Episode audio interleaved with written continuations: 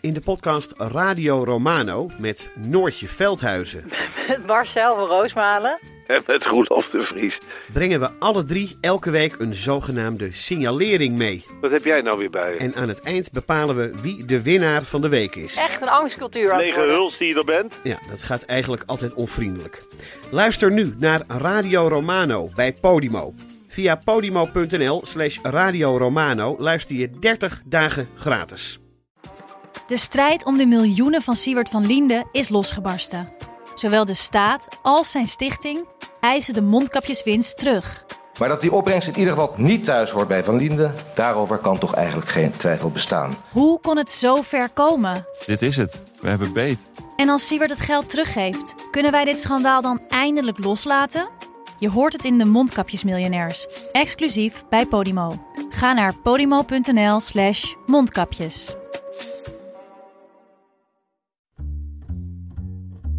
Vanaf de redactie van De Groene Amsterdammer is dit onze wekelijkse podcast. Ik ben Kees van der Bos.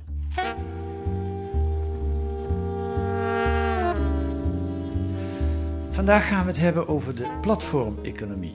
Ooit begonnen als de deal-economie. Het zit zo, ik heb een auto, ik moet naar Amsterdam en via een app regelen we dan dat jij meer rijdt. Er zijn er minder auto's op de weg, we zijn allebei goedkoper uit, iedereen gelukkig.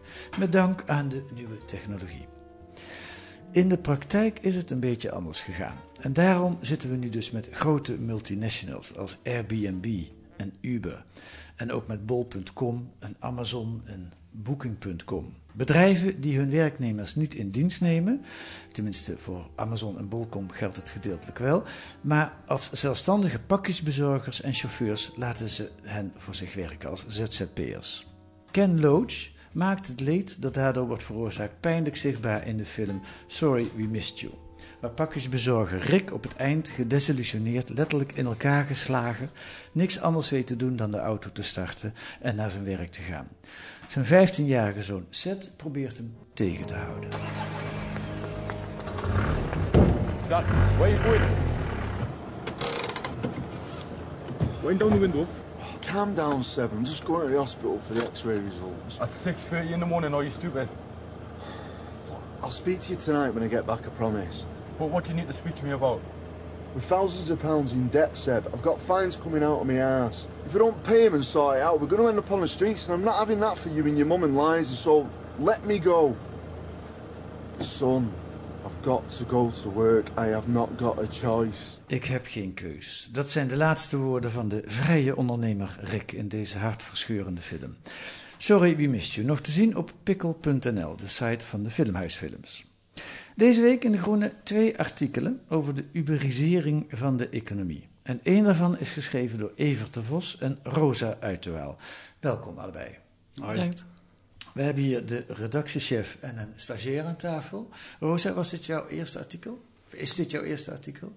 Het is niet mijn eerste artikel, maar eh, wel een van de eerste hier. En zeker een eh, langer onderzoek. En eh, ja, dat begon in februari en wat langer doorgegaan. Ja. Ja, en nu ben je stagiaire af en, en gewoon als freelancer aan het werk voor De Groene. Klopt, ja. Evert, jij was nogal onder de indruk van die film. Sorry, we missed you. Ja, dat is, ehm, je, je weet het wel, maar die film maakt het heel aanschouwelijk. Het begint dan dat die Rick, die, wordt eh, die, die is eh, een bouwvakker, die wordt werkloos. En een collega die haalt hem over, kom, ik ben nu eigen, eh, zelfstandig, eigen ondernemer en het bevalt me zo goed en je moet ook komen. En nou ja, dan zie je dat hij zich in de schulden steekt om een busje te kopen en dan gaat die film verder. En dan zie je die enorme spanningen in dat gezin. Ja. Dat, hoe eh, die- in de schulden, het harde werken, noem alles maar op, eh, het gekoeieneerd worden.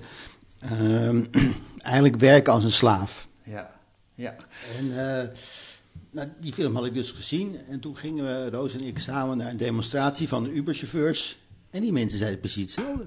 Ja. We zijn slaaf geworden. Daar Ja. begon het, met je, toen je naar die demonstratie ging. In februari was dat, hè? Ja, Ja. en werd daar ook wel duidelijk dat het, eh, de Uberchauffeurs het water echt aan de lippen stond. Eh, mensen die drie, vier uur per nacht kunnen slapen omdat ze last hebben van ja, eh, stress en, en de schulden. En ze steken zich in de schulden om te kunnen rijden en eh, verdienen vervolgens niet genoeg ehm, om eruit te komen. En nou ja, je zag mensen echt, echt woedend en, en wisten niet meer wat ze nog verder moesten. Waarom gingen jullie naar die demonstratie? Nou, misschien wel door die film, maar je denkt, hey, eh, ik vond het ook wel fascinerend dat, dat ik had niet verwacht dat er zo'n onvrede bij de chauffeurs zou zijn. Ik had me een beetje in verdiept, maar nog niet heel erg. En die woede was echt zo authentiek. En dat er ook uh, toch weer een soort zelforganisatie ontstaat van, van chauffeurs die dan toch uh, ja, de strijd aangaan met zo'n groot bedrijf. Ja.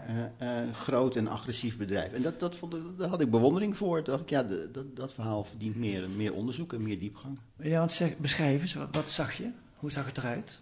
Nou, er waren aan de ene kant, wat ook wel fascinerend waren, er waren ook een aantal chauffeurs die durfden niet dichterbij te komen. Die waren gewoon bang dat ze herkend zouden worden en dat het consequenties zou hebben. Daar waren ze echt bang voor. En een aantal die waren, die waren over die grens heen en die waren echt heel erg boos. En dan nou, riepen ze fuck Uber, terwijl dat is toch je werkgever uiteindelijk.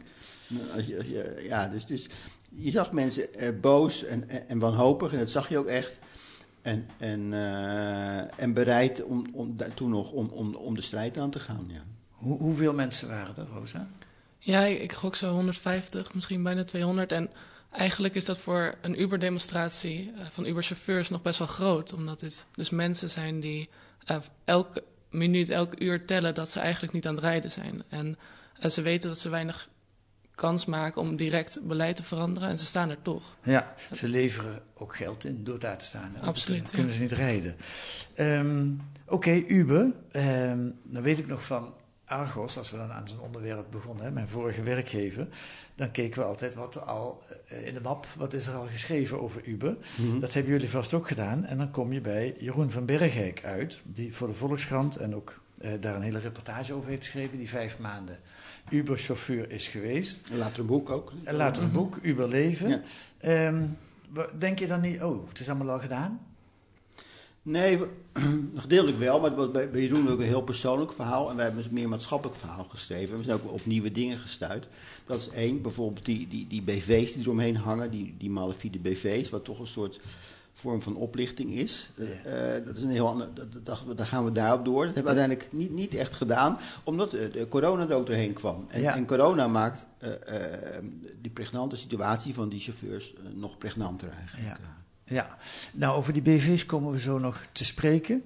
Uh, laten we even luisteren naar Jeroen van Bergijk. Op de site van de Volkskrant vertelt hij over zijn uh, project. Het is eigenlijk een soort videospelletje, die app. Zo komt het over. En want je kan allerlei, uh, je kan badges verdienen en uh, houdt al je prestaties bij. Hoeveel je verdient, hoe lang je online bent, hoeveel 5 sterren ratings je al hebt, hoeveel andere ratings je hebt. Dus het voelt echt als een, als een, als een game. Dus je, ik, je hebt ook een beetje de neiging om je best te gaan doen.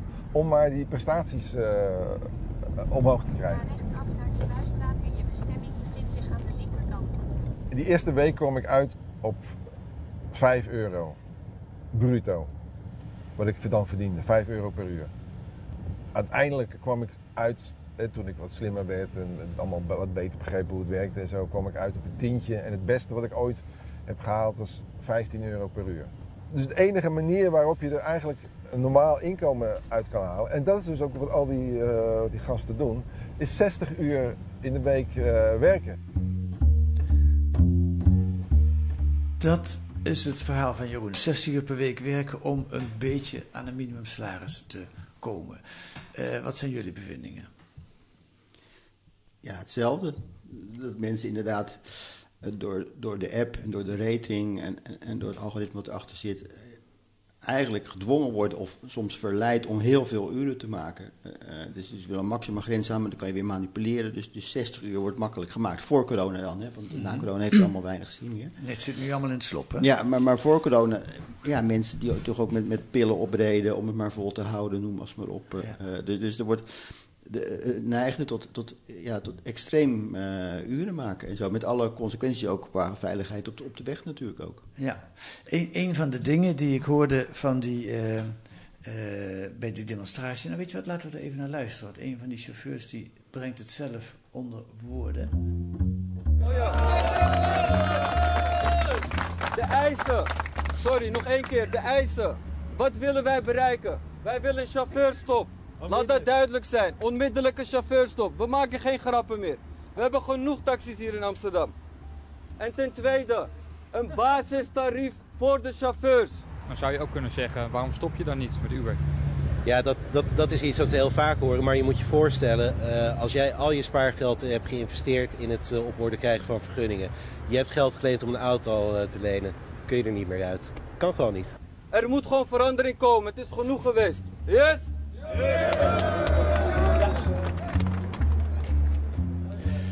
Dit was overigens een week eerder. Toen was er ook een demonstratie. Um, maar dat is een beetje de romantiek. In het begin bij Uber mocht je met je eigen auto rijden. Maar dat is afgelopen. Je moet nu een, een, een, een, een auto... Ja, je moet er wel zorgen dat je een auto hebt, maar je mag niet meer gewoon met je eigen privéauto rijden. Hoe zit dat? Nee, je moet nu meer aan allemaal regels voldoen en dus aan meer investeringen. Dus je moet een, een auto kopen, je moet een vergunning aanvragen en dat soort dingen. Als je tenminste de officiële lijn bewandelt natuurlijk. Ja, ja, ja. ja. En het grote probleem is, je wordt behandeld als een vrije ondernemer, maar dat ben je helemaal niet. Ja, en, en daarbij komt ook nog eens um, dat Uber in eerste instantie belooft van je kan 4000 euro per maand verdienen. Um, ze hebben, Uber heeft ook tot februari heel actief uh, nieuwe chauffeurs gewerfd. Dus dan kreeg een bestaande chauffeur 200 tot uh, 400 euro per nieuwe chauffeur. Um, dus zo'n zo'n chauffeurstop, dat is heel begrijpelijk dat ze dat willen. De concurrentie uh, omlaag. Ja, en er zijn veel bedrijven rondom Uber die zeggen... ik kan wel 50.000 euro per jaar verdienen. En dat is een groep jongens die rijdt, die best kwetsbaar is. Die niet heel veel andere opties hebben. Um, die raken misschien al in paniek door een formele brief van de belasting. En die zien heel veel geld dat snel verdiend kan worden. En die vallen daarop aan. Die denken, dit is mijn kans. En die steken zich in de schulden, misschien wel door lenen van vrienden. Uh, je hebt zo'n 10.000 euro nodig om te beginnen. Um, door je taxivergunning, je taxipas, een nieuwe auto. En dan zit je eenmaal vast, wat uh, Stef Keij, die net sprak, uh, wat jij hoorde zeggen. Ja. ja. een fragment van AT5 was dat, moet ik ook nog zeggen. En Stef Keij hebben jullie ook uh, gesproken. Klopt, ja. ja. Ik wil even naar de andere kant. Want op zich was Uber wel een uitkomst toen dat uh, kwam. Als je gebruiker bent van taxis in, uh, in uh, Amsterdam, dan was je gewend nogal hondsbehandeld te worden. Mm -hmm. je moest maar afwachten of de chauffeur de goede route reed, en de, mm -hmm. de, wat je, of je betaalde, of dat allemaal klopte. Rosa, ik heb me laten vertellen dat jij tot aan dit artikel een, een, gebruiker van Uber was. Ja, ja ik heb Uber wel gebruikt, zeker ja. op vakanties. Ja. En het, hoe beviel dat als klant? Ja, op zich wel fijn. Ja, kijk, als student is natuurlijk, uh, sla je vooral aan op dat het wat goedkoper is dan een normale taxi. En dat, dat leek een goede oplossing. Ja, ja. en nou, laten we eens luisteren naar hoe Uber het zelf uh, uh, vertelt. Het is natuurlijk een mooi gelikt reclamefilmpje. It's easy to stand still. But you know what happens when we stand in one place for too long? Nothing. Nothing happens. So, we move. We built Uber to deliver rides at the touch of a button. And in doing so, we changed the world. In the Uber world, you can use your own car. You don't pay $40,000 to rent a vehicle. You make more dollars per hour, and it's flexible. You don't have a shift. You can turn on your work when you want to, and you can turn it off. You want to pick up your kids from school, turn it off. If you want to go hang out with some friends, turn it off. We help people move to new places in life or just across town. 15 million rides and deliveries a day. Als klant was Uber of is Uber vrij ideaal. Het is helemaal ingericht op de klant. Hè. Je krijgt van tevoren te zien welke route de chauffeur gaat rijden. Je krijgt van tevoren te zien hoe duur het uh, kost. Hoe lang het duurt voordat de Uber-chauffeur voor je neus staat, noem maar op. Het is wel klantvriendelijk. Zeker, zeker.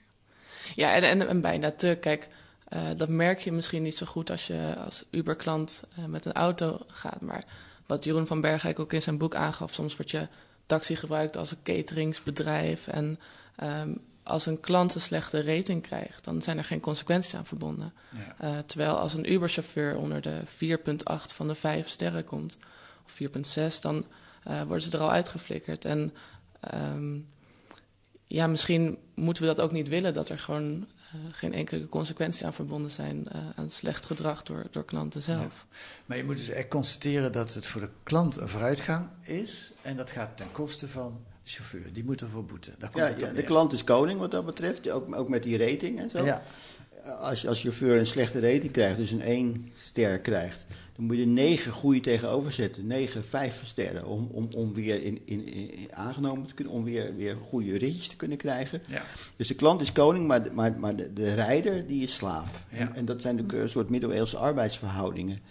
Eh, die is, denken wij, niet meer moet willen. Zeker niet na corona, met alle onzekerheid. Want dan zie je hoe het heeft uitgepakt met corona. Dat, dat, dat de, de, de rijder neemt de risico's en, en die krijgt de hardste klap uit- uiteindelijk. Ja. En, en de klant die, die, eh, die is goedkoper uit. Dat klopt. Meestal is die goedkoper uit. Dat klopt. Ja. En, en, en je hebt meer inzicht in, in de kosten, noem maar eens op. Dat is een ideaal eh, ding. Ook de basisidee is natuurlijk helemaal niet zo slecht. Hè? Dat auto's staan grotendeels stil. En die kan je eh, gebruiken om elkaar te vervoeren. Dus Ja. de, de basisidee is niet slecht, maar de uitvoering eh, is, is funest. Ook, ook eh, de hele policy van, van Uber om, om monopolies in steden te creëren, om, om daar, daar, daar, daar alles in handen te hebben. Eh, de rest van de taximarkt eh, helemaal weg te drukken. Ja, en, hoe, en de strijdwijze die ze daarbij hanteren. Ze hadden op een bepaald moment eh, eh, 400 eh, eh, eh, lobbyisten in dienst om het in alle steden voor elkaar te krijgen. We zagen in de boeken dat ze 4 miljard voor legal fees hebben gereserveerd voor de komende jaren. 4 miljard voor? Legal fees, dus voor rechtszaken. Ja, die, die, ja, ja. die eraan zit komen of ze verwachten. Het is een soort oorlogsmachine is het, die, die steden verovert en ruksikloos eh, daar, daar, daar te werk in gaat. En de chauffeurs zijn daar de, dupe van. Ja. Eh, Lise Witteman, die schrijft ook in de Groene deze Mhm. week erover. En die schrijft ook in Follow the Money deze week een artikel waarin ze gereconstrueerd heeft hoe de, een aantal VVD'ers heel belangrijk zijn geweest in de lobby om Uber deze machtspositie te geven. Maar dat andere, dat artikel wat ze in de Groene schrijft, dat vind ik wel interessant. Het is niet alleen Uber, het is een voorbeeld van nieuwe arbeidsverhoudingen die eigenlijk als een olievlek over bijna alle, eh, nou niet bijna alle, maar over heel veel sectoren zich uitbreiden. Dus de pakketjes bezorgen, maar je hebt ook temper Ja, tegenwoordig. voor barpersoneel is dat. Ja, die, die zitten ook allemaal thuis, Ja. eh, zonder geld. Ja, ja.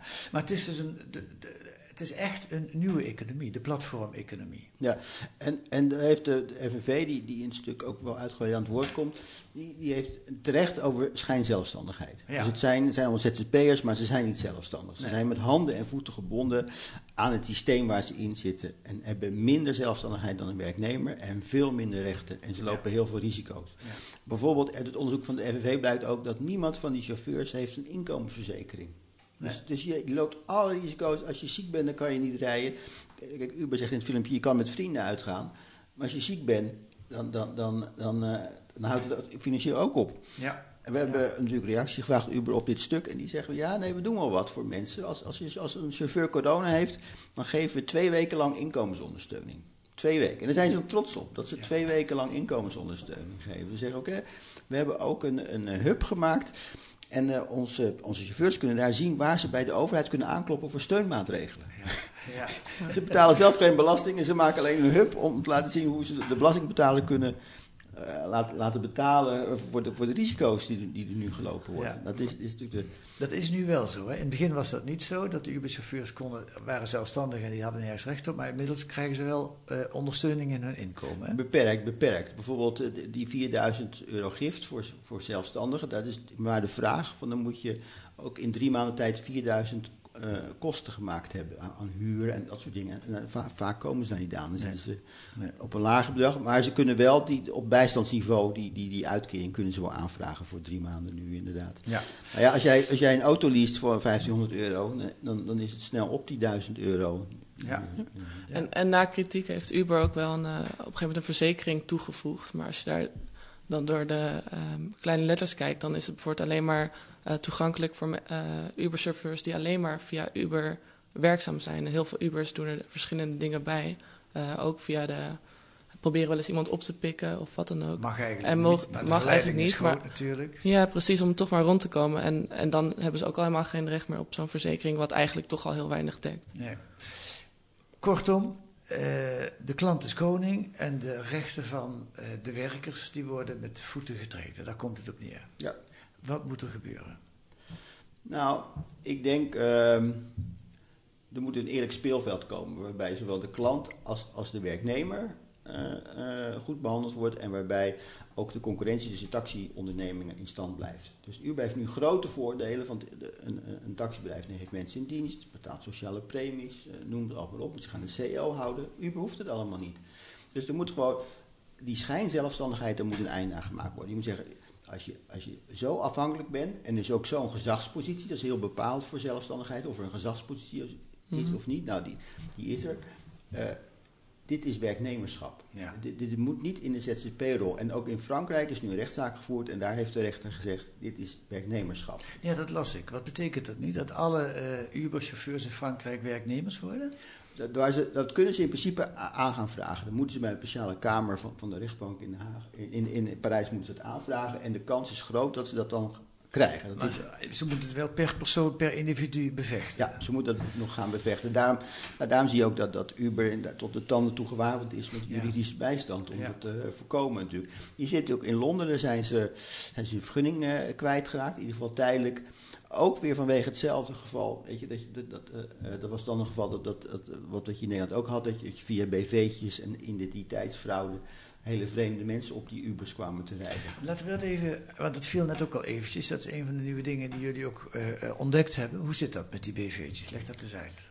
Nou ja, je hebt um, verschillende BV's die onder de naam van een uh, katvanger, bijvoorbeeld een, uh, een junk of iemand die snel het land weer verlaat, een katvanger worden opgericht. En die katvanger krijgt dan 5000 euro van waarschijnlijk illegale uh, groepering. Die katvanger moet iemand zijn die niet te veel last heeft van uh, incassobureaus en Precies, die ja. gewoon weer kan verdwijnen. En zo'n bedrijf, daar uh, worden dan 100 auto's aangeschaft en um, die schaffen taxivergunningen aan en Uber-apps. En er komen jongens die voor 300 euro per week kunnen het eigenlijk totaalpakket aan vergunning, taxipas, auto huren en op die manier heel snel geld maken. Wacht even, ik zo'n katvanger, die, ja, dat is alleen maar een katvanger, maar er mm -hmm. zit een, een, echte iemand die dat bedrijf runt. Mm -hmm. Ik kom als, uh, als uh, willige chauffeur daar aan. Ik kan voor 350 euro een taxivergunning en een auto krijg ik.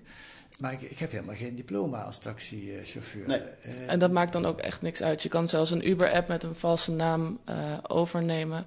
En nou, de bronnen die wij hebben gesproken, die zeggen van ja, dat, dat is gewoon echt topwitwasserij. Er wordt ja. heel veel geld doorgesluist. Vanaf het moment dat er een belastingdienst erachter komt, wordt er weer naar een volgend uh, bedrijf verhuisd. Ja, want het mag niet. Als ze erachter komen, wordt het wel aangepakt. Maar daar zijn ja. die katvangers dan voor, dan pak je weer ja. een ander uh, bedrijf.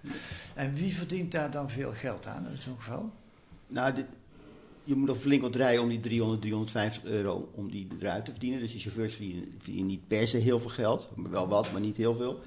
Uh, ja, die bedrijfjes die, die, die, honderd, die het geld hebben om, om 100 uh, auto's tweedehands te kopen en die weer uit te zetten met vergunningen en al. En natuurlijk de vergunninghouders, die zijn de mensen, legale mensen, die dat dan weer uh, geven. Van hier heb je mijn vergunning en dan kan je mee rijden. Dus dat, dat verpachten en die pachtchauffeurs, dat is een soort, soort ja, het zal gedeeltelijk misschien wel legaal zijn en gedeeltelijk illegaal. Een soort schemerige wereld die hangt om Uber heen. En dat, dat weet Uber natuurlijk, dat bestaat. Ja. En dat is in Londen, is dat, zijn ze daartoe veroordeeld. Van dan reden dus hele mens, andere mensen op de vergunning. En dat konden ook mensen zijn die veroordeeld waren voor dronken rijden, bij wijze van spreken. Maar, maar krijgt Uber dan een, een uh, veroordeling? Nee, nee, nee, nee, nee, nee, natuurlijk niet. Ja, in Engeland wel, dus Uber de vergunning door kwijtgeraakt op, in Londen. Dan mogen ze niet meer rijden? Nee, nee. Oké. Okay. Het wordt denk ik wel weer aangevochten, zullen ze tijdelijk wel weer nog steeds wel rijden, maar ik bedoel, dat, dat, die vergunningen zijn super kwijt. Ja. Omdat ze niet, niet goede controles hebben op welke chauffeurs te rijden, dat is eigenlijk de basis.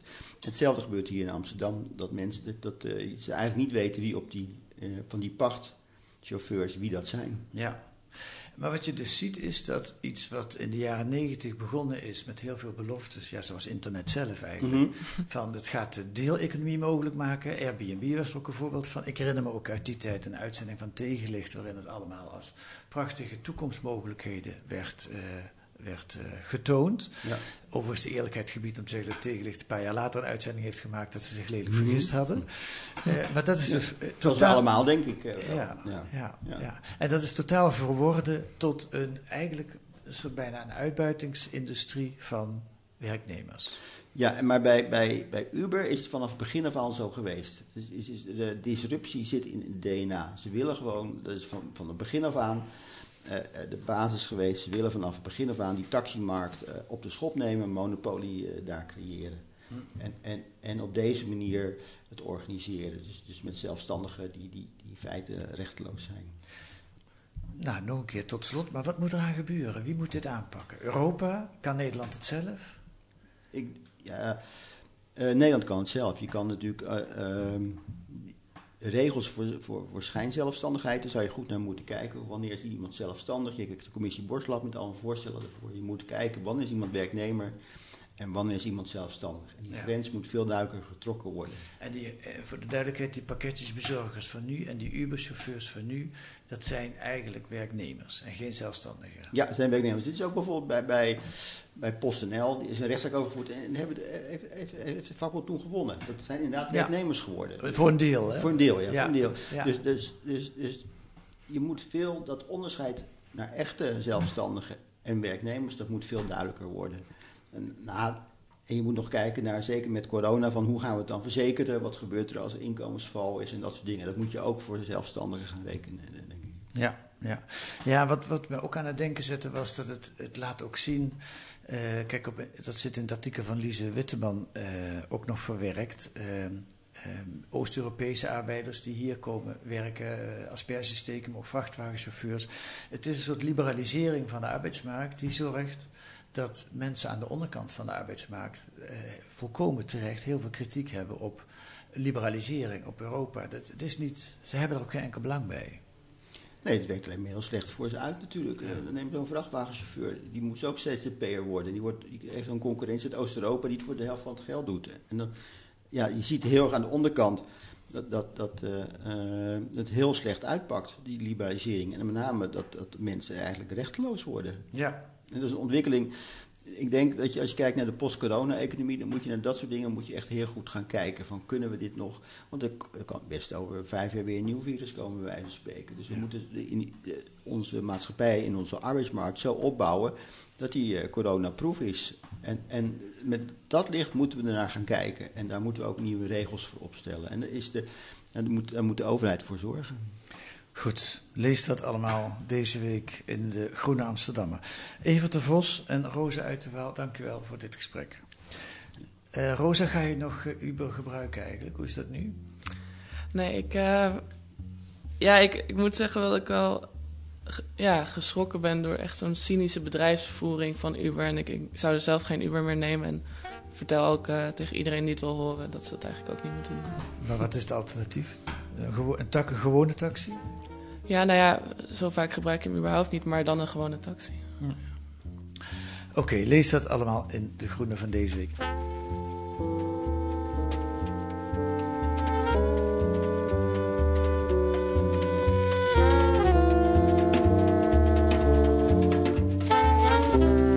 Verder deze week in De Groene een onderzoek naar de seksindustrie. Door de legalisering van prostitutie zijn veel sekswerkers in de illegaliteit gegaan.